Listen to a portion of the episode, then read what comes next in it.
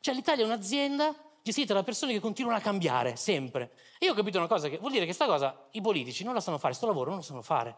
Cioè non stanno... Io affiderei la gestione dell'Italia a una classe di lavoratori che il suo lavoro lo sa fare. Cos'è che funziona tanto in Italia? Funziona la cucina. Io proverei a dare in gestione, così per qualche mese, la gestione dell'Italia agli chef. Immagina Cannavacciuolo che si alza e e fa "Ah, ragazzi, allora, tu non puoi fare questo progetto, lo vedi tutto attorno, questa è corruzione. E non puoi fare... dal nulla. Barbieri arriva, cioè te non puoi sempre fare le leggi a persona, va bene? Ti cracco dal nulla, è peculato! Proviamo! Esperimento! Esperimento!